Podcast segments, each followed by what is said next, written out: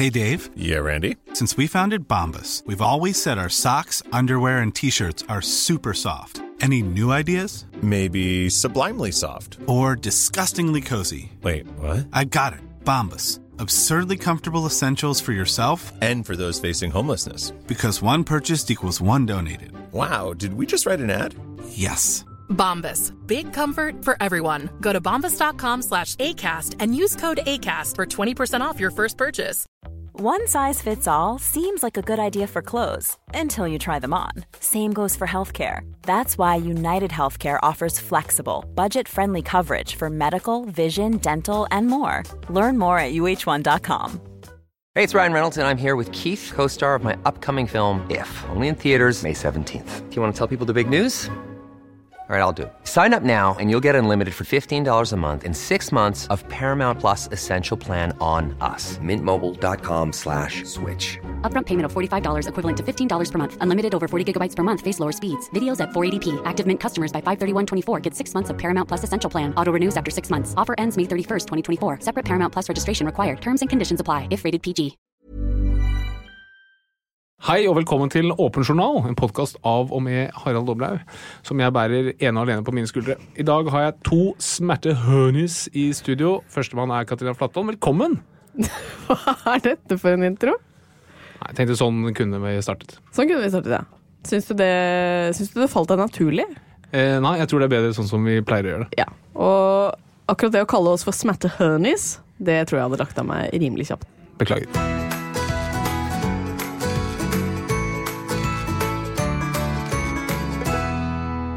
Hei, og velkommen til en ny episode av Åpen journal. Sånn skal det gjøres, Harald. Tusen takk. Ja. Eh, I dagens episode så eh, skal det handle om beskyttelse. Ja, og nå ser du rart på meg, Harald. Det skal ikke handle om beskyttelse mot eh, sola, UV-stråler eller eh, mot eh, viruspartikler. Jeg snakker selvfølgelig om beskyttelse mot graviditet, altså prevensjonsmidler. Spennende. Spennende. Litt, eh, litt artig. Ja, Linn i studio, hun bomma litt der. Hun sitter her med en diger bolle i hånden. Skulle du hørt på podkasten din? ja. Men eh, for de som i hvert fall eh, vil beskytte seg, så er dette podkasten å høre på i dag. Vi skal jo ta opp de ulike midlene, og så snakke litt om bivirkninger og diverse. Diverse. Diverse. Og så får vi besøk av en forretningskvinne og forfatter, Harald. Det er helt riktig. Vi får besøk av Sofie Elise. Ja. Veldig hun- spennende. Ja, for hun har siden eh, sitt første blogginnlegg i 2011 skapt eh, engasjement og ekstase, men har jo også måttet tåle en del pepper. Og i dag så kommer hun eh, hit for å fortelle hva hun gjør for å ta vare på helsa si, og jeg vet at hun også har med en del spørsmål som du skal få bryne deg på, Harald. Veldig spennende. Er alt spennende i dag? Ja, alt er ganske spennende. Jeg har en positiv innstilling. Sola skinner, og stemningen er god. Jeg har også en ny spalte i dag, som jeg skal lufte. Har du en ny spalte? Og den heter 'Kunne du vært lege?' Ok. Veldig mye av det vi leger opplever, er trivielle spørsmål. Ja. Jeg får masse spørsmål, det kommer du også til å få, inn på SMS og Facebook og overalt, fra venner og mer eller mindre kjente. ja. Tenkte jeg å sende noen av de spørsmålene i retning av vår gjest, for å vise hvor lett skråstrek vanskelig det kan være å være lege. Så gøy. Så gjesten, altså Sofie Elise, skal få prøve seg som lege. Det er helt riktig. Spennende. Tror du hun er bedre enn meg? Det tror jeg faktisk. Det frykter jeg også.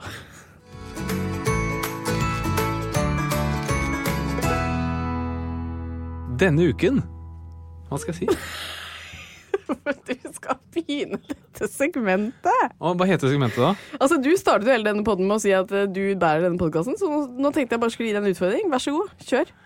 Uka som har vært, heter det segmentet her. Uka som har vært, er det kommende segmentet. Og vi skal starte med at min kone Katrina Flatland skal ramse opp de 100 tingene hun er mest glad i ved meg. Vær så god. Eh, Men altså, du har jo vært med i denne podkasten i nå 14 episoder, så det er jo litt rart at ikke du har liksom én måte å starte det segmentet på. Altså Bare si sånn OK, denne uka den har jo vært solfylt. solfyll, Ja. vårlig, Ja. artig, Enig. spennende er dagens ord. Spennende er dagens ord. brukt. Ja. Nei, men du har ikke noe du vil si om denne uka? Eh, jeg kan si når jeg blir spurt. Ja. Du er jo en nøtt. Eh, eller som jeg eh, kalte Altså, jeg gjorde et engelsk intervju en gang men, eh, med en eh, magiker. Vet du hva jeg klarte å si til han? You're a hard nut to crack. A hard nut to crack. Ja. Ja, men Går ikke det an da på engelsk? Ja, men han, han hadde ikke hørt det før, i hvert fall. Nei. Så det, men det var det du er eh, Jeg syns det beskriver deg ganske godt. My nuts hard are nut. hard to crack. Eh, så det, men det jeg tenkte Fordi jeg, jeg, jeg har jo på en måte kjent deg i ni år, så jeg vet jo hvor eh, krevende du kan være til tider. Eh, så det jeg har tenkt i dag, Harald Doble, er at uh, etter 14 episoder så er det på tide at uh, våre lyttere blir enda bedre kjent med deg. Uff da. Ja. Uh, og måten jeg har tenkt å gjøre det på, er at jeg Ja, får se om jeg gjør dette fremover, hvor godt dette funker. Men at jeg i hvert fall i dag har spurt en person som kjenner deg veldig godt, om å prøve å beskrive deg. Oi. Men idet liksom ordet kommer, da, at det, det kan f.eks. være at personen sier sånn Harald er jo veldig Søt. Ikke sant? Så må du fylle ut the blanks. Så jeg liker å kalle den leken Fill out the blanks. From a hard nut to crack. yes. Um, tar du utfordringen? Jeg tar den på strak arm. Eh, Vil du gjette hvem jeg har fått til å si noe om deg? Eh, Ailo Gaup. Hvorfor Ailo Gaup? Nei, du ba meg gjette. Ja, men det jo, du kjenner jo ikke Ailo Gaup. Det er riktig. Um, da gjetter jeg Onkel Lars. Onkel Lars. Som du ikke har kanskje den mest hyppige kontakten med. Nei. Nei. Eh, nei, det er ikke onkel Lars eller Ailo Gaup. Det er svigerfar Halvard Flatland. Jøsse Yes. navn. Eh, så vi bare hopper i det. Eh, jeg kommer til pause, og da må du fylle ut det du tror at liksom mangler. Mm, Nettopp. skal vi se her. Ok, da prøver vi denne til podkasten. Det er ni år siden jeg møtte Harald for første gang, og vi har jo blitt veldig godt kjent. Hvis jeg skal beskrive Harald med noen få ord, eh, så må det jo bli um, det var altså svigerfar. Skal beskrive ham noen få ord. Ja. Eh, høflig. Og eh, snill med datteren sin. Ok. Du er jo veldig raus med godord om deg selv. Nei, det, nå Jeg tenker at du skal prøve å være nærmest mulig det Det svigerfar skal sier. det absolutt være, og det er veldig viktig. Her må du være ærlig. Men det er det du tror han sier. Ja. Okay? at han er den heterofile mannen i verden som er mest opptatt av hudpleieprodukter. Og pris spiller ingen rolle. Ja. Ja, Jeg skal gi han, eh, han får et poeng der, og det hadde jeg ikke klart å gjette sånn eh, umiddelbart. Nei, Det skjønner jeg veldig godt. Eh, men eh, da skjønner du litt hvor vi ligger i landet. Vi skal bli bedre kjent med deg enn at du er høflig og snill med datteren hans. Ok. Ja. Det er enig, Men han sa jo ikke noe, eller kommer kanskje senere, hva han syns om kvaliteten på huden min. Eh, nei, det er det jo på en måte ikke så veldig mange enn deg som er interessert i. Haralds aller beste egenskap må være at han er Veldig fin i huden. Ja, det er jeg enig i. At burde på en måte være svaret. Men hvis du skulle Vi kan godt la det stå som liksom ett svar, men hvis du skulle tenke noe annet enn det Eh, Haralds beste egenskap er eh, Da tror jeg f- snill med datteren hans. OK. Prøver den igjen. ekstremt god til å skjule at han egentlig synes kona er skikkelig bortskjemt hjemmefra. Eh, Det er jo en variant av det du sier. Det er faktisk det. Fordi jeg eh, anklager Halvard for det mange ganger. At han har overlatt en veldig vanskelig kvinne til meg. Fordi du har blitt eh, skjemt bort så til de grader. Ja. Er du klar for neste? Jeg er veldig klar. Men som alle andre så har han selvfølgelig også noen mindre gode sider. En av dem er at han er Oi. Dette Oi. kan bli dårlig stemning. Ja, dette kan fort um, ende i vanskeligheter. Eh, en av dem er at han er eh, jeg, jeg er ganske sta. Jeg vet jeg er ganske sta. Ja. Og akkurat når det gjelder Halvard Flatland, akkurat den, den diskusjonen tar jeg gjerne med han. For han er ikke rent lite sta, han heller. Nei? Nei, nå er vi inne på, nå er vi på en farlig vei her. Eh, jeg, jeg tror at han sier sta. Ok. Og du fikk også sagt at svigerfar er sta. Den er grei. Det kan klippes bort. en dårlig skjult snobb som elsker å fly business class. Det kan jeg leve med. Det kan jeg leve med. Ja. Han syns faktisk ikke at du er sta. Han syns ikke det er det største problemet. At det er en dårlig skjulsom. Nei, men jeg tror alle liker å fly business class. Det er ikke noe um, Det er ingen som har det fett på uh, monkey class. Nei. Er du klar til å Og det, når det er sagt, da, så har jeg flydd business class tre ganger i livet. Ja, sånn men du at, kommer jo eh, ikke til å fly vanlig igjen etter det. Det, skal, det kommer jeg absolutt til å gjøre. Uh, nå kan det bli dårlig stemning. Men så er det helt sikkert noe han irriterer seg over eh, ved meg som svigerfar også. Kanskje for eksempel at jeg Oi. Har sendt bort eh, datteren sin før hun ble overlatt til meg. Ja. Eh, irriterende med svigerfar eh, Det er veldig lite ved han som irriterer meg. Jeg syns han er en veldig fin fyr, det har jeg sagt før. Det som for så vidt er litt irriterende, Det er eh, Han og jeg snakker jo litt sammen på telefon. Det er veldig hyggelig. Noen ganger så ringer han meg fra bilen, hvor jeg er på høyttaler i bilen, hvor han sitter sammen med sin kone, så din mor, min svigermor Annelise. Ja. Å snakke med Halvard, det er jeg veldig glad i. Snakke med Annelise, det er jeg veldig glad i. Men å sitte med de to på høyttaler samtidig i en bil, ja. det, det kan være litt slitsomt. Er det det? Hvorfor det? Nei, for Man sitter og avbryter hverandre, og de snakker i munnen på hverandre, og jeg snakker i munnen på den andre. Syns det hørtes hyggelig ut, jeg. Er du klar for fasit? Ja. alltid har rett. Oi. Ydmyk. Han er ydmyk. Han er meget ydmyk. Ja, nei, det um... Har han alltid rett? Eh, Altså, rett er jo ofte et relativt begrep, og jeg Ja. tror i hans hode så har han alltid rett. Siste. Nå er jo jeg så heldig da at jeg har to flotte svigersønner. Hansa er jo sammen med eh, Katarinas søster Bettina. Og hvis jeg skal sammenligne de to gutta og si noe Hansa er bedre på enn Harald, så er det definitivt Å lage mat. Ja, den vedder jeg litt penger på. Den vedder du penger på? Ja.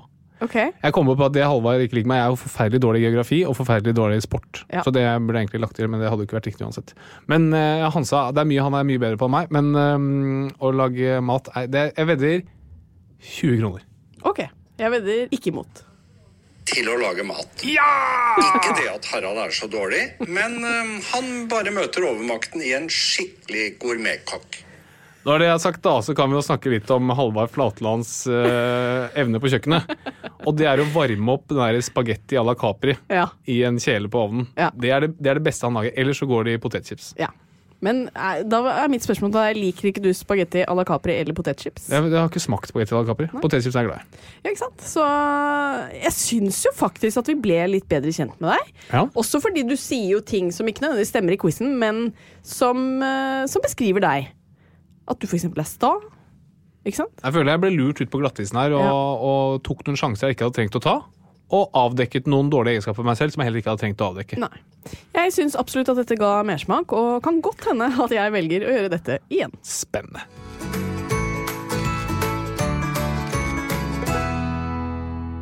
Nå er det bare å ta på seg helsesøsterhatten og være veldig naturlige, for alt vi skal snakke om nå, er helt naturlig, Harald. Nei da, jeg bare tulla. Men det er viktig å ta på seg helsesøsterappen, holdt jeg på å si. Hatten. Ta den, jeg tror vi tar den her på nytt, jeg. Nå er det bare å trekke ned underbuksene, for nå skal vi snakke om prevensjon. Nei, guri. Ja, men det var egentlig en fin eh, introduksjon. Men i dag så skal det i hvert fall handle om noe som dere, mange av dere lyttere har ønsket dere eh, som tema, eh, nemlig prevensjon. Og det er ikke så rart, fordi årlig så bruker over 350 000 jenter p-piller, p-stav, minipille og andre alternativer for å beskytte seg mot graviditet. Eh, Og det finnes jo veldig mange myter, men også fakta, så jeg tenker at vi skal avlive og bekrefte noen her i dag. Det er helt riktig. Vi skal gå gjennom de vanligste typene prevensjon. Hvordan de virker, hva som er positive virkninger, hva som er negative bivirkninger. Og kanskje knuse noen myter knyttet til prevensjon. Ja. For det finnes jo veldig mange ulike alternativer når man skal velge prevensjon. Dere gutta kan velge kondom eller sterilisere dere. Mens vi jentene har veldig mange flere muligheter å velge mellom. Um, og det er jo på godt og vondt. Fortell oss om de vanligste metodene. Ja, Så kvinner, eh, det er det vi kommer til å snakke mest om, den kvinnelige formen for prevensjon, de kan gjerne deles inn i tre typer. Det ene er kombinasjonspreparater som inneholder hormonene østrogen og gestagen. Gestagen det eh, blir det samme som progesteron, som er et naturlig forekommende hormon i kroppen.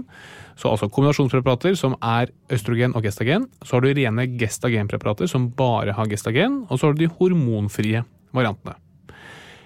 Kombinasjonspreparatene, altså som inneholder både østrogen og gestagen, det er vanlige p-piller, p-ring og p-plaster. Gestagenpreparatene, altså de preparatene som kun inneholder gestagen, det er minipiller, eller gestagen-p-piller, spiral, p-stav og p-sprøyte. Hormonfrie, der har vi eh, spiral, kobberspiral, og så har vi pessar og kondom. Ok, eh, så da har vi liksom delt det litt inn. Og hvis vi skal ta fordeler og ulemper med kombinasjonspreparatene først, da. Hva er fordelen og ulempen med p-piller, p-ring og p-plaster? Ja, så Alle disse variantene her, de inneholder østrogen. Og Østrogen det er et eh, kvinnelig kjønnshormon som eh, når det blir brukt i prevensjon, gir noen fordeler. Det ene er det at du får bedre blødningskontroll. Du blør mindre, mindre menstruasjonsplager av det. Og det lar deg også hoppe over menstruasjonen. Hvis du bruker vanlige p-piller, p-plaster eller eh, p-ring, så kan du velge å hoppe over menstruasjonen hvis du vil det. Østrogeninnholdet i disse preparatene har noen bivirkninger også, bl.a. at det øker risikoen for blodpropp. Den øker risikoen ganske mye, men risikoen er i utgangspunktet ekstremt lav. Så av 10 000 jenter som ikke bruker østrogen, så vil to få blodpropp hvert år. Av 10 000 jenter som bruker østrogen, så vil opptil 12 få blodpropp hvert år. Så du går fra risiko som er 2 på 10 000 til 12 på 10 000. Og 12 på 10 000 det er hvis du bruker de p-pillene som inneholder mest østrogen. Dette er en risiko som jeg mener er litt overkommunisert. Alle tenker at fordi du bruker p-piller, så får du eh, blodpropp, og sånn er det ikke. Det er mye høyere risiko for å få blodpropp hvis du er gravid, enn hvis du bruker p-piller med østrogen. Tenk litt på det. Tenk litt på det. Og så er det vel også sånn at de som særlig er i risikosonen for en blodpropp, er jo de som f.eks. har det i familien. Ja, så enhver lege som skriver resept på eh, p-piller, vil gå gjennom en del viktige spørsmål rundt din helse og din families helse for å se om du har en økt risiko for å ha blodpropp i utgangspunktet. Høy alder, hvis du er overvektig, hvis du røyker, hvis du har flere i familien med blodpropp i ung alder, så øker det risikoen for blodpropp i utgangspunktet, og man vil da ikke anbefale østrogenpreparater som ytterligere øker den risikoen for blodpropp. Men øh, det er jo noen fordeler ved disse kombinasjonspreparatene også. Ja, som vi var inne på, altså muligheten til å hoppe over menstruasjonen, bedre blødningskontroll, mindre menstruasjonsplager, og de vil også gi øh, for mange en forbedring i huden. Altså mindre kviser. Men dette var jo da kombinasjonspreparater, som du sier. Eh, så har vi da også kun eh, gestagen, eller progesteronpiller, eller eh, midler. Minipillen, p-stav, spiral og p-sprøyte. Hva er fordeler og ulemper med disse? Yes, så Fordelen er at det er ikke østrogen, så de øker ikke risikoen for blodpropp på samme måte. Ulempen med de er at eh, du gjerne får eh, litt eh, mellomblødninger av de. Du har ikke mulighet til å hoppe over menstruasjonen, og veldig mange opplever uregelmessige menstruasjonsblødninger med denne type prevensjon, som for mange er en uholdbar bivirkning. Når det gjelder spiral og p-stav og p-sprøyte, så er dette ting som må settes inn av kvalifisert helsepersonell. Og eh, i hvert fall for p-stav og spiral så må den også fjernes av kvalifisert helsepersonell, som vil også være en ulempe for mange. Og dette med hud, da, når det kommer til bare gestagenprodukter? Ja, altså Gestagenpreparater tenker vi har en negativ innvirkning på hud, da, som kan gi eh, uren hud. Men i disse preparatene finnes det forskjellige typer gestagener, så det går an å bytte hvis man opplever uren hud. Også når det gjelder bivirkning på all type prevensjon, så er bivirkning gjerne størst i starten. Så vi sier det at eh, vent tre måneder før du eventuelt eh, bytter, fordi mange bivirkninger vil da ha gitt seg. Mm. Men det fins jo da eh, veldig mange bivirkninger ved legemidler generelt, og eh, særlig hormonprodukter, da. Vi var inne på uren hud. eh, vektendring, redusert sexlyst og humørsvingninger er noe som nevnes av folk som går på disse preparatene. Stemmer det? Eh, forskningsmessig nei. Eh, vektøkning. Vi vet at eh, jenter i alderen man bruker p-piller, får en vektøkning, men det gjør man uavhengig om man bruker p-piller eller ikke. Humørsvingninger. Heller ikke sett noen sammenheng mellom humørs humørsvingninger og bruk av p-piller. Ja, man får humørsvingninger uansett om man bruker eh, p-piller eller ikke. Når det er sagt, hvis man kommer til legen og sier du, jeg opplever humørsvingninger, jeg lurer på om det kan være prevensjon jeg bruker, da vil legen ofte anbefale å bytte prevensjon. da. Så man har en litt sånn føre-var-tankegang. Men i studier er det ikke sett noen um, sammenheng mellom uh, humørsvingninger og bruk av uh, prevensjon. Og så er det jo det uh, at veldig mange går på disse midlene for å hindre graviditet. Er det noen som er sikrere enn andre? Ja, så disse langtidsvirkende variantene, som eh, p-stav og spiral, de er eh, mye sikrere enn de andre, fordi du eliminerer brukerfeil. De settes inn av legen, og så slipper du å tenke på det. Når det er sagt, så vil de andre preparatene, også p-piller og minipiller, ha en meget god sikkerhet. Altså under 0,5 av jenter vil bli gravide i året hvis det brukes riktig, men der er det lett at man glemmer en eh, pille, og da øker risikoen for graviditet. Mm, fordi når man da hører om de som blir gravide på p-piller, blir gravide med spiral, eh, så får det jo meg til å lure litt på hva er det som egentlig har gått gærent. Som regel så er det gjerne, i hvert fall når det gjelder p-piller, at man har glemt å ta en p-pille. Hoppet over en eller to. Eh, når det gjelder spiral, så kan den også mm, faktisk dette ut av livmoren. Eller ligge feil. Eh, eller ligge feil. Det vanlige er at altså, den kan dette ut, og da kan du bli gravid, men du kan også bli gravid selv om du har en, eh, en spiral i livmoren. Det er ingenting som er 100% sikkert i livet. Nei. Ingenting som er 100% sikkert i underlivet. Ja, den er fin. den er fin. Men vi må avklare noen ting. Myte eller fakta. For det er veldig mange som har eh, skrevet inn til oss og spurt om dette med eh, fertilitet og prevensjon. Fordi eh, det er noe jeg lurte på veldig mange mm, ganger opp gjennom egentlig puberteten, hvor jeg gikk på p-piller og tenkte dette kan ikke være bra å gå på i så mange år. Stemmer det at fertiliteten kan påvirkes av å gå på f.eks. p-piller over en lengre periode? Eh, ja, den kan påvirkes, men den påvirkes da i positiv forstand. Altså du har lavere risiko for å bli infertil hvis du bruker p-piller. Det er overraskende nytt for meg. Absolutt. Grunnen til det er at eh, p-piller beskytter eh, mot at eh, sæd kommer opp i livmoren, men det beskytter også mot at bakterier kommer opp i livmoren. Og hvis vi får bakterier i livmoren, da kan vi få betennelser der som gjør at man blir infertil, altså steril. Så siden de beskytter mot det, så beskytter de da også indirekte mot uh, infertilitet. Men det er ingenting som tyder på at å bruke p-piller i 10-15-20 år gjør at du har mindre sjanse for å bli gravid når du slutter. Men dette med å hoppe over mensen, da, er det, er det sunt?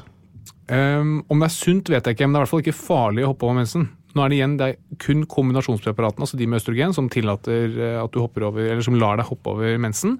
Og det er ikke farlig. Det eneste er at hvis du hopper over flere på rad, så kan risikoen for mellomblødning øke. Så det kan være lurt å ta en menstruasjon en gang iblant for å minimere den risikoen. Det jeg også vil si er at Risikoen for særlig blodpropp når det gjelder østrogenpreparater, den er størst i starten, gjerne opp de første seks månedene. Så ikke ta pause. Det er veldig dumt å ta pause fra p-pillene dine. For det første er risikoen ganske høy for å bli gravid i den perioden. Og for det andre så får du da en ny periode med økt risiko for blodpropp idet du starter opp. Ja, Når du sier pause, så snakker du ikke om den pillefrie uka. Du snakker om en eh, lengre periode. Yes, At du sier at nå, som, nå skal jeg gi kroppen min fri i noen måneder, det er ingenting som tyder på at det er noe bra. Og vi vet fra studier at risikoen for å bli gravid i den perioden er høy, og du øker risikoen for blodpropp. Ok.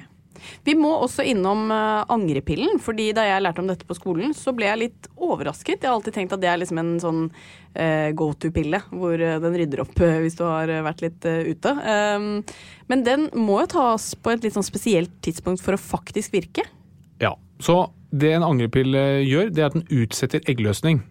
Så hvis du tar angrepillen etter du har hatt eggløsning, mens egget er ute i livmoren, da kan du fortsatt bli gravid og befruktet. Et egg det slippes ut i livmoren en gang i måneden, og så lever den der i ca. et døgn. Sånn at hvis du har eh, samleie i den perioden hvor egget er sluppet ut, da kan du bli gravid selv om du tar angrepille. For da går det ikke an å stoppe eggløsningen, for den har allerede skjedd.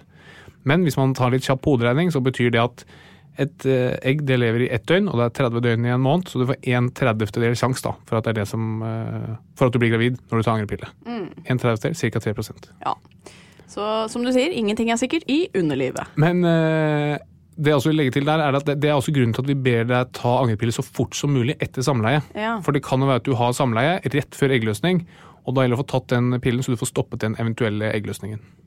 Eh, Det er jo også noen som uh, bruker en app for å da tracke liksom, når de har menstruasjon, og da kan du også på en måte få litt sånn uh, innblikk i når du har eggløsning. Hvor sikre er liksom disse metodene? Veldig usikre.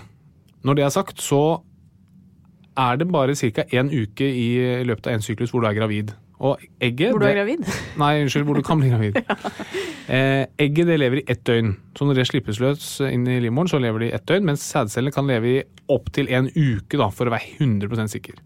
Så det betyr at det er én uke hvor du kan bli gravid, hvor sædcellene kan eh, befrukte egget. Eh, så lenge du ikke har sex i den uken, altså betyr liksom opptil seks dager før eggløsning, da er du egentlig helt trygg. Problemet var at man vet egentlig ikke, eller veldig mange vet ikke akkurat når man har eggløsning.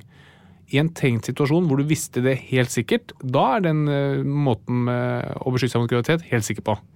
Men eh, de fleste har uregelmessig menstruasjon og vet ikke når egget kommer. Men vi må jo innom gutta også. Dere slipper jo billig unna. Dere kan bruke kondom, men dere kan også sterilisere dere. Hvorfor finnes det liksom ikke flere metoder for menn? Jeg tror grunnen til det er at det fins ingen fysiologisk eller normal tilstand hvor mannen ikke er fertil. Mens det fins en normal eller fysiologisk tilstand hvor kvinnen ikke er fertil. Og når kvinnen er gravid, da er hun ikke fertil, da kan hun ikke bli gravid på nytt. Så det man gjør med prevensjon, det er at du lurer kroppen til å tro at den er gravid. Som egentlig er en fysiologisk tilstand. Mens det fins ingen sånn tilstand for menn. Så det er nok grunnen til at, eller en av grunnene til at det er utviklet mye prevensjon for kvinner, men veldig lite for menn. Når det er sagt, så kan man godt gå inn på en diskusjon om hva som er rettferdig og urettferdig. Jeg er helt enig. Det er veldig dumt at dere kvinner må ta disse pillene og betale for disse selv, så vi kan ligge og hekke på dere. Men eh, det er nå engang eh, sånn det er. Kan vi få gjort noe med det? Absolutt, men eh, det er sånn det er. Og det dere kan gjøre, er jo å sterilisere dere. Um, og jeg har lest en sak om at stadig flere menn velger å gjøre dette for å ta sin liksom, del av belastningen. Men hva er fordelen og ulempen, og kan det reverseres? Altså Fordelen er at du slipper å bruke annen form for eh, prevensjon for å unngå å bli gravid. Uh, ulempen er at du må operere. Du må inn og klippe over um, strengen. Det kan i en del tilfeller reverseres, men ikke ta det som utgangspunkt hvis du skal sterilisere deg. Bare tenk at dette får du ikke gjort om igjen. Men, men det er en ikke uvanlig prosedyre å sy sammen uh, igjen, fordi folk angrer seg. Men, men liksom regn med at det ikke går. Um, og så eh, er det jo bare å legge til, da, folkens, at uh, nå tar jeg på meg helsesøsterhatten her, men det er bare kondom som er den eneste som virker liksom mot graviditet, men også mot seksuelt I'm Sandra, and I'm just the professional your small business was looking for. But you didn't hire me because you didn't use LinkedIn jobs. LinkedIn has professionals you can't find anywhere else, including those who aren't actively looking for a new job but might be open to the perfect role, like me. In a given month, over 70% of LinkedIn users don't visit other leading job sites. So if you're not looking on LinkedIn, you'll miss out on great candidates like Sandra. Start hiring professionals like a professional. Post your free job on linkedin.com/people today. Since 2013, Bombas has donated over 100 million socks, underwear, and t shirts to those facing homelessness. If we counted those on air, this ad would last over 1,157 days. But if we counted the time it takes to make a donation possible, it would take just a few clicks. Because every time you make a purchase, Bombas donates an item to someone who needs it. Go to bombas.com slash ACAST and use code ACAST for 20% off your first purchase. That's bombas.com slash ACAST, code ACAST. This is Paige, the co-host of Giggly Squad, and I want to tell you about a company that I've been loving, Olive and June. Olive and June gives you everything that you need for a salon quality manicure in one box. And if you break it down, it really comes out to $2 a manicure, which is absolutely insane. It's also so easy to get salon worthy nails at home with Olive and June. The difference between how your nails used to look when you did them yourself and now with the Manny system is a complete game changer. The best thing about Olive and June too is it's a quick dry. Dries in about one minute, lasts for five days, and full coverage in up to one to two coats. Visit oliveandjune.com slash perfectmanny20 for 20% off your first system. That's oliveandjune.com slash perfectmanny20 for 20% off your first system. Overførbare sykdommer. For veldig mange tenker jo at ja, men jeg er beskytta. Det er du ikke på pilla, du. Det er helt riktig. Og hva er den aller sikreste metoden mot både graviditet og kjønnssykdommer? Det må være å ikke ha sex, da. Det er å ikke ha sex. Mm.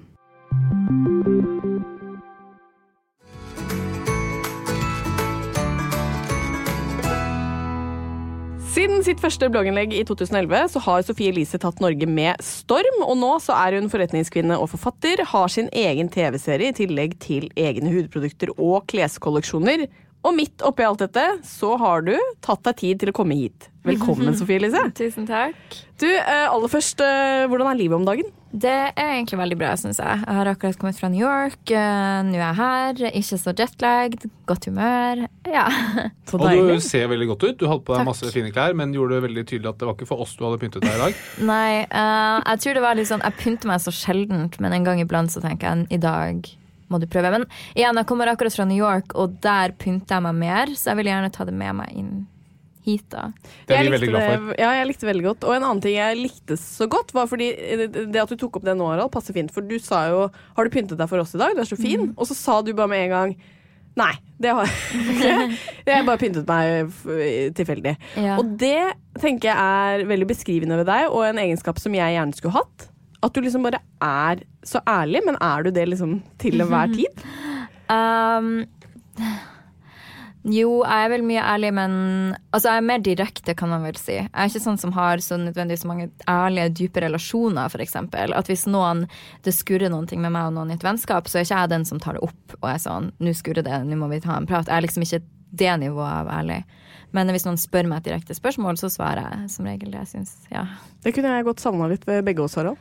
Det tror jeg er helt riktig. Ja. Du er jo veldig god på å også skryte uhemmet av ting du egentlig ikke syns er bra i det hele tatt. Ja, men Du går en veldig andre vei. jo, men jeg blir eh, jeg, jeg tror ikke jeg liker ubehaget som kanskje følger ved å være direkte, da.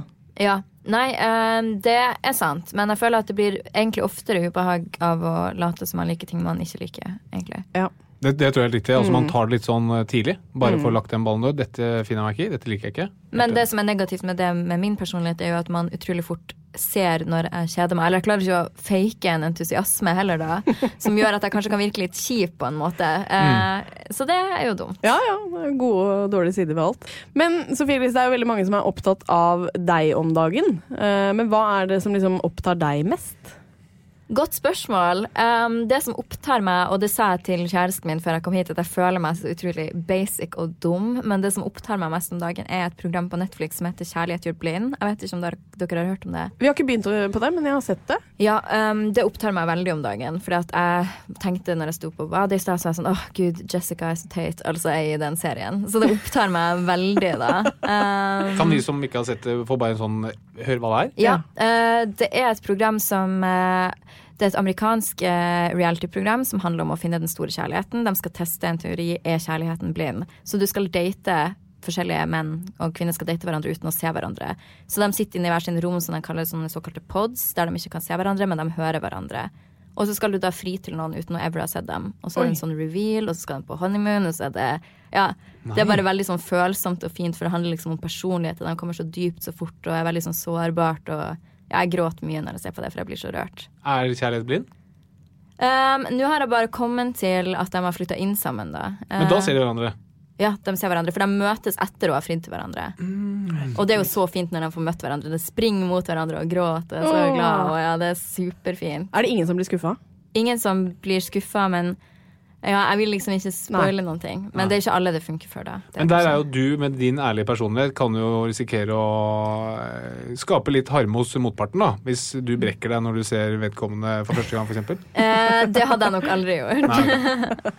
Men man ville sett det hvis ikke du digga personen. Ja, men jeg vet ikke sånn, Hadde man sett om jeg hadde digga dem også? Eller sånn, Jeg Mm. jobber med det at jeg vil være litt mer connecta med følelsene mine. Jeg tror at mm, Det negative ved å ha holdt på med det her så lenge som jeg har, er at eh, alle følelsene mine skal liksom skrives om eller på en eller annen måte fortelles om en gang. Så de blir liksom ikke helt dine egne. Du har ikke helt eierskap til følelsene dine, for det er bare en story to tell, på en måte.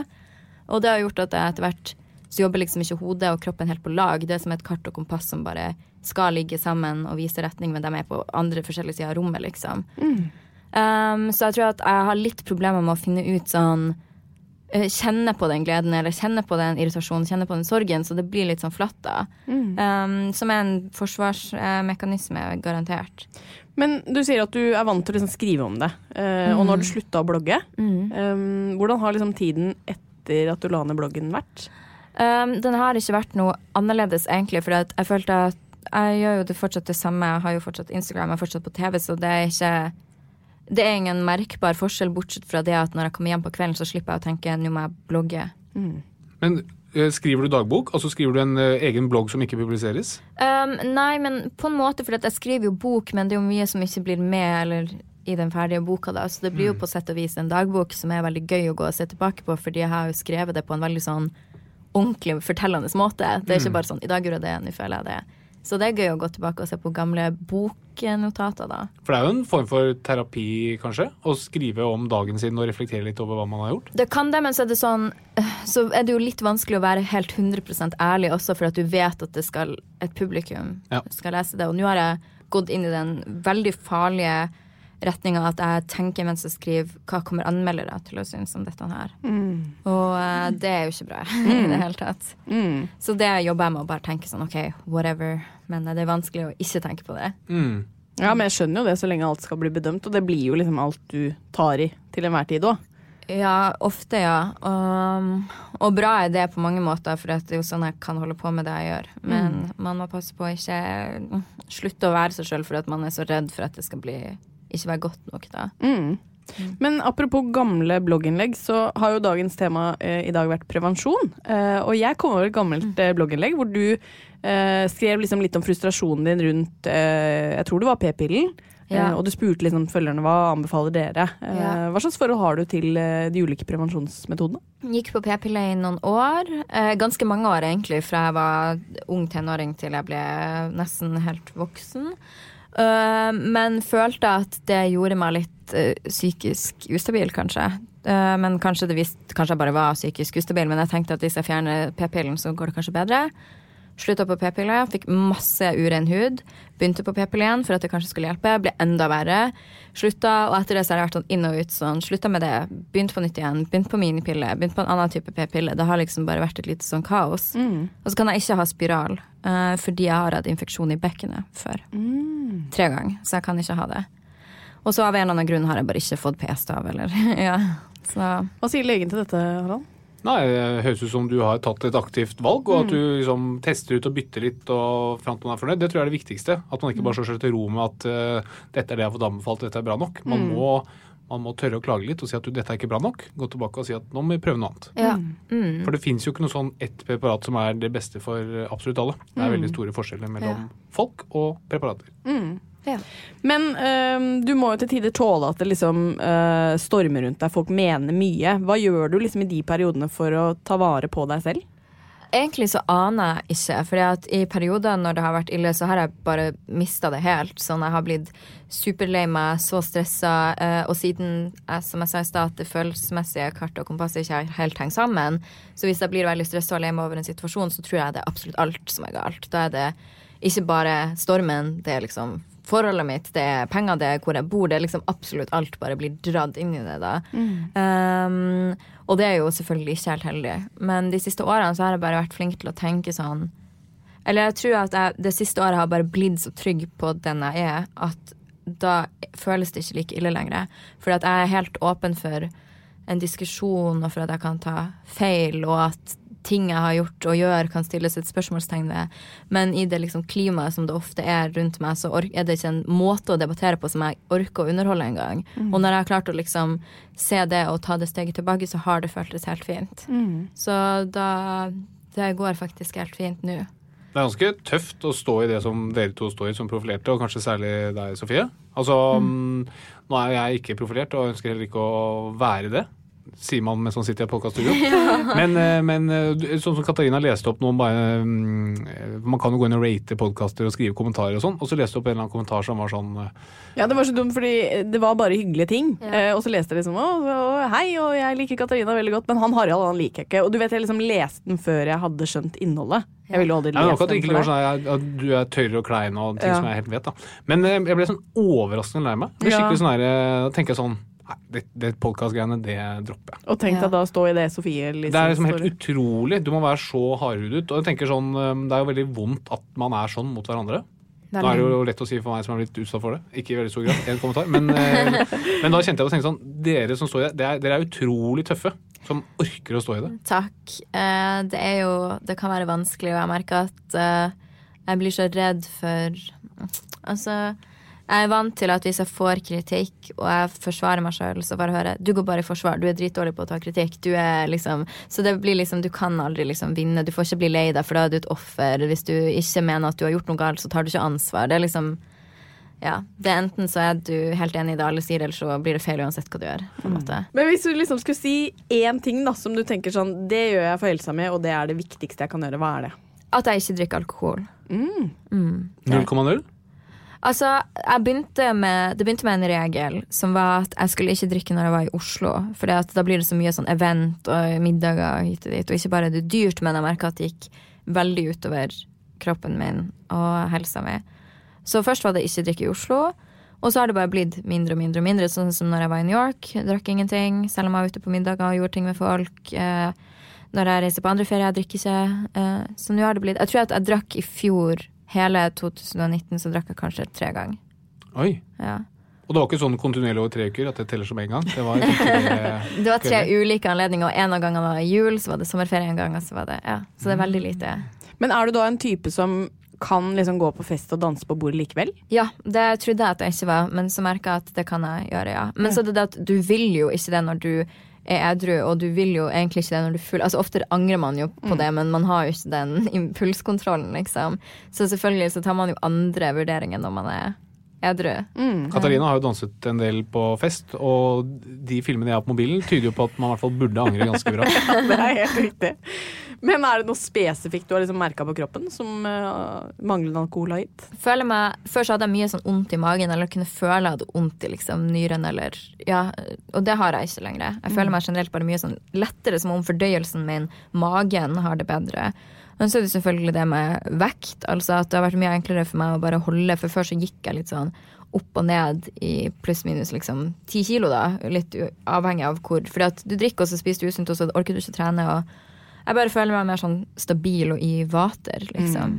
Mm. Det, syne, det synes, man tror det ikke gjør det, men når man drikker mye vann og sånn, det, det merkes. Så mm. Ble inspirert her. Kanskje det blir en hvit dag? Hvit- Nei. En hvit, time. En hvit time. Jeg er inspirert, men jeg er ikke så inspirert. Det er liksom det man egentlig sier. Men eh, hva slags forhold har du til det å gå til legen, da? Du, um, litt blanda, fordi at ehm, jeg har aldri hatt en fastlege som jeg liker særlig godt før nå. Så eh, nå syns jeg det er helt OK å dra til legen. Eh, men jeg er jo litt sånn Volvat-person, kan man jo si. Du liker å få raskt svar og rask time? Ja, og så liker jeg også å kunne stille krav som jeg føler jeg kan mer hvis man drar på Volvat, kanskje? Mm. Hvorfor har du ikke likt de andre fastlegene? Um, fordi at de har vært um, Det har kanskje bare vært for at jeg ikke føler at vi connecter så bra. Det har jo mye å si at man har en slags kjemi, at man kan snakke med dem, og mm. de forstår deg og tar deg på alvor, da. Mm. Men jeg vet at du Harald, har liksom eh, tenkt til å gi eh, Sofie Elise en legehatt eh, i dag også. Ja. Ja. Vi har en ny spalten her, Kunne du vært lege? Ok. Og den begynner nå. Oi.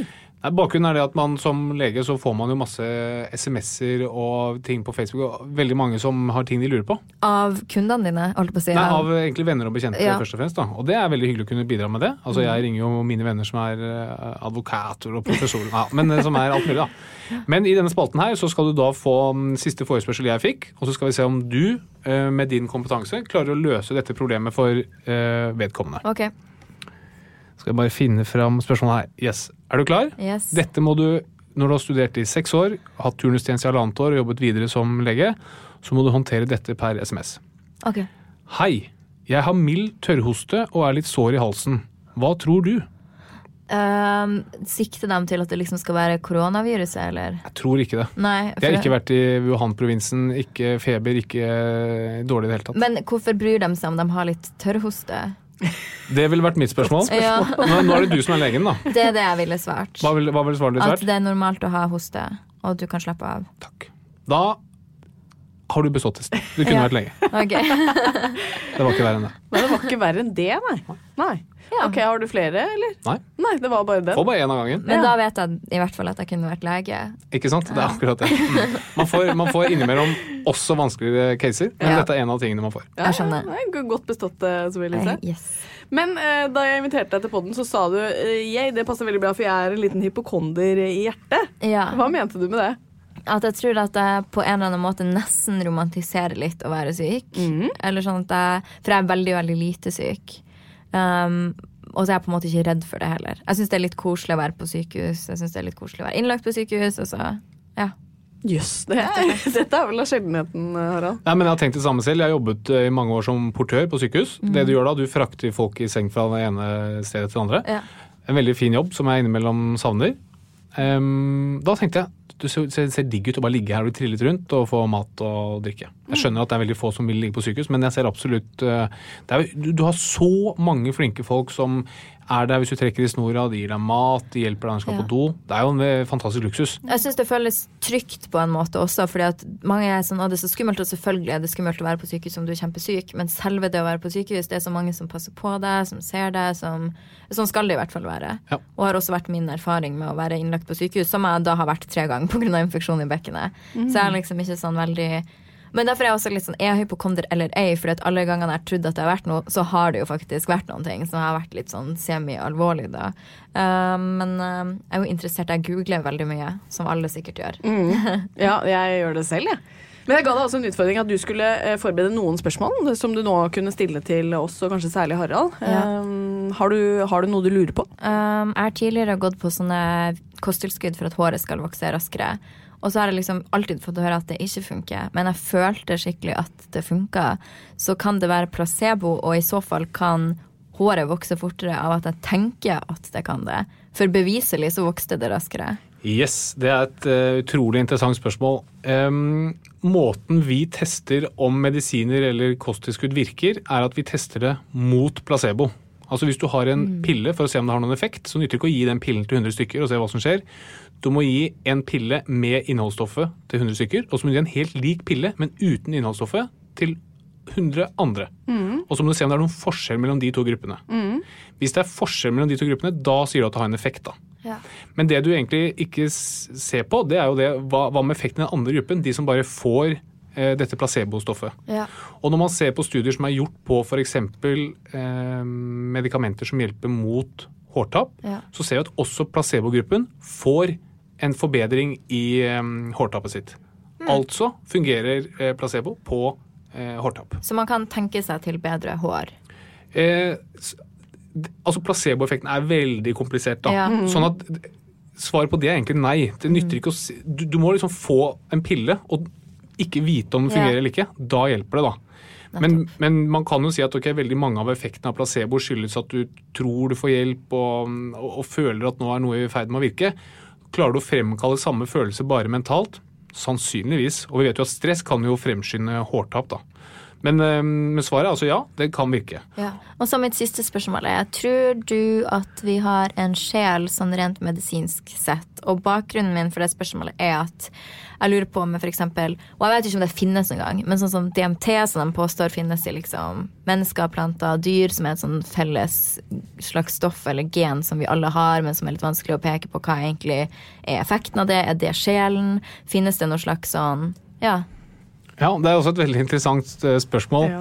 Um, jeg er ikke kjent med dette med DMT, bare for å ha sagt det med en gang. Um, det jeg kan si, er at det fins ingenting vi uh, i medisinen uh, ikke kan Altså, Det er ikke noe sånn at det mangler noe som vi kan putte inn som er en sjel. Det er ikke noe sånn at vi har fått svar på alt, bortsett fra én brikke, og det er sjelen.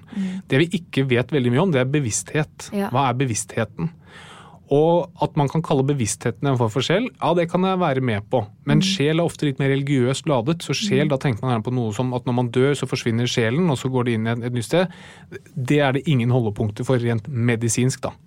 Men, eh, men eh, at det finnes ting vi ikke kan forklare medisinsk, og ting vi lurer på, absolutt. Er, det, er det mulig at det er en sjel? Ja, det tror jeg. Vi, vi har ikke funnet noe som helt åpenbart sier at det ikke er det. Det er bare så interessant at til og med i vår egen kropp som man lever i, så er det ting man ikke vet. Sånn med bevissthet, eksempel. Ja. Som er hele oss. Man vet liksom ikke hva det er.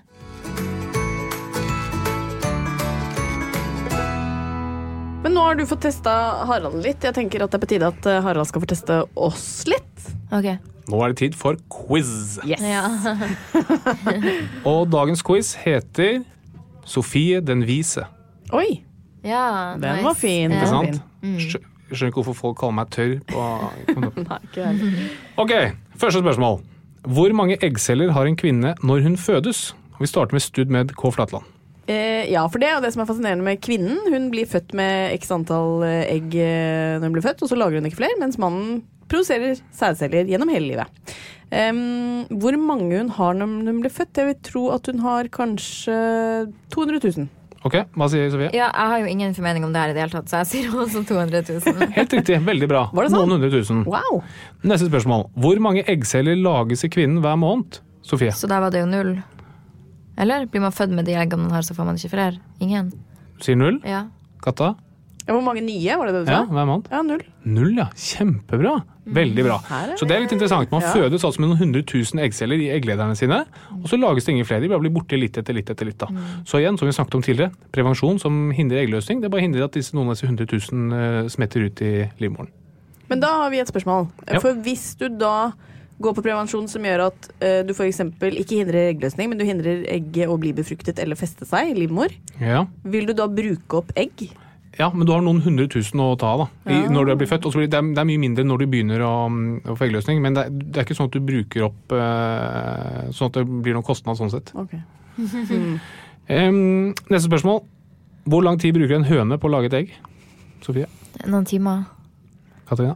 Ja, eh, åtte dager. Ett døgn. Oi! Poeng til Sofie. Fader. Et, lage ett egg i døgnet. Ja. Gjør den det? Ja. Wow. Em, s- heter sangen 'Fordi jeg elsker deg' opprinnelig 'Fordi jeg elsker egg'? Sofie? Nei. Katarina? Nei, helt riktig. Sofie, hvis du spiser for mange egg, kan du da få eksem? Nei. Er? Jeg må beklage. Hvis du har beklage. eh, eksem, Ja. Kan du få det av å spise for mange egg? altså eksem Eggsem. Nei, for jeg vet ikke hva det er. Finnes Nei, det? han har bare ekstremt tørr humor, okay. så det er bare å bære over med. Nei. Nei, nei, det er helt riktig. Siste spørsmål. Hadde dere sett på en ny sesong av det kjente familieprogrammet Komplottet hvis det ble holdt av duoen Ariana og Tande P? Jeg vet ikke hvordan program det er, Nei, det husker ikke jeg heller. Hadde dere sett på det? Nei. Nei. Ikke jeg heller. Så det var, det var rett og slett to relevante spørsmål her. Eller tre, kanskje. Men Sofie Elise vant jo. Det gjorde hun absolutt. På høna, rett og slett. Høna til Sofie. Ja. Det snakker vi ikke om her. Men vi syns at det har vært veldig hyggelig å ha deg på besøk. Vi har blitt enda bedre kjent med deg. Ja, det har vært veldig hyggelig å være her også. Vi er tilbake neste uke. Fram til det så tenker jeg folk skal få med seg et lite helsetips. Ja, det skal de få.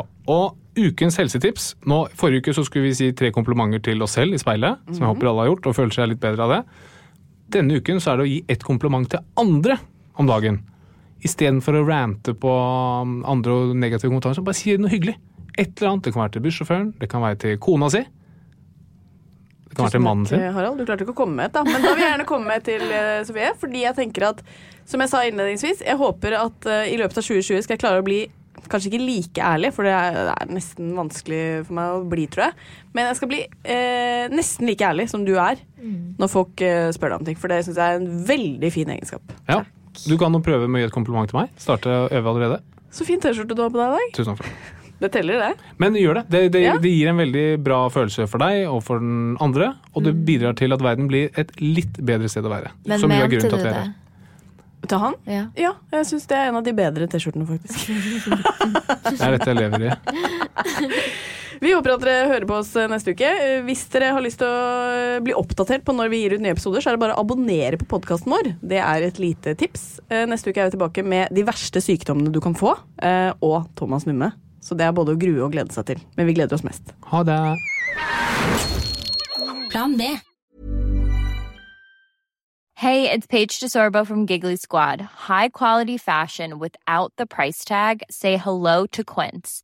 I'm snagging high-end essentials like cozy cashmere sweaters, sleek leather jackets, fine jewelry, and so much more. With Quince being 50 to 80% less than similar brands. And they partner with factories that prioritize safe, ethical, and responsible manufacturing. I love that. Luxury quality within reach. Go to quince.com slash style to get free shipping and 365 day returns on your next order. Quince.com slash style.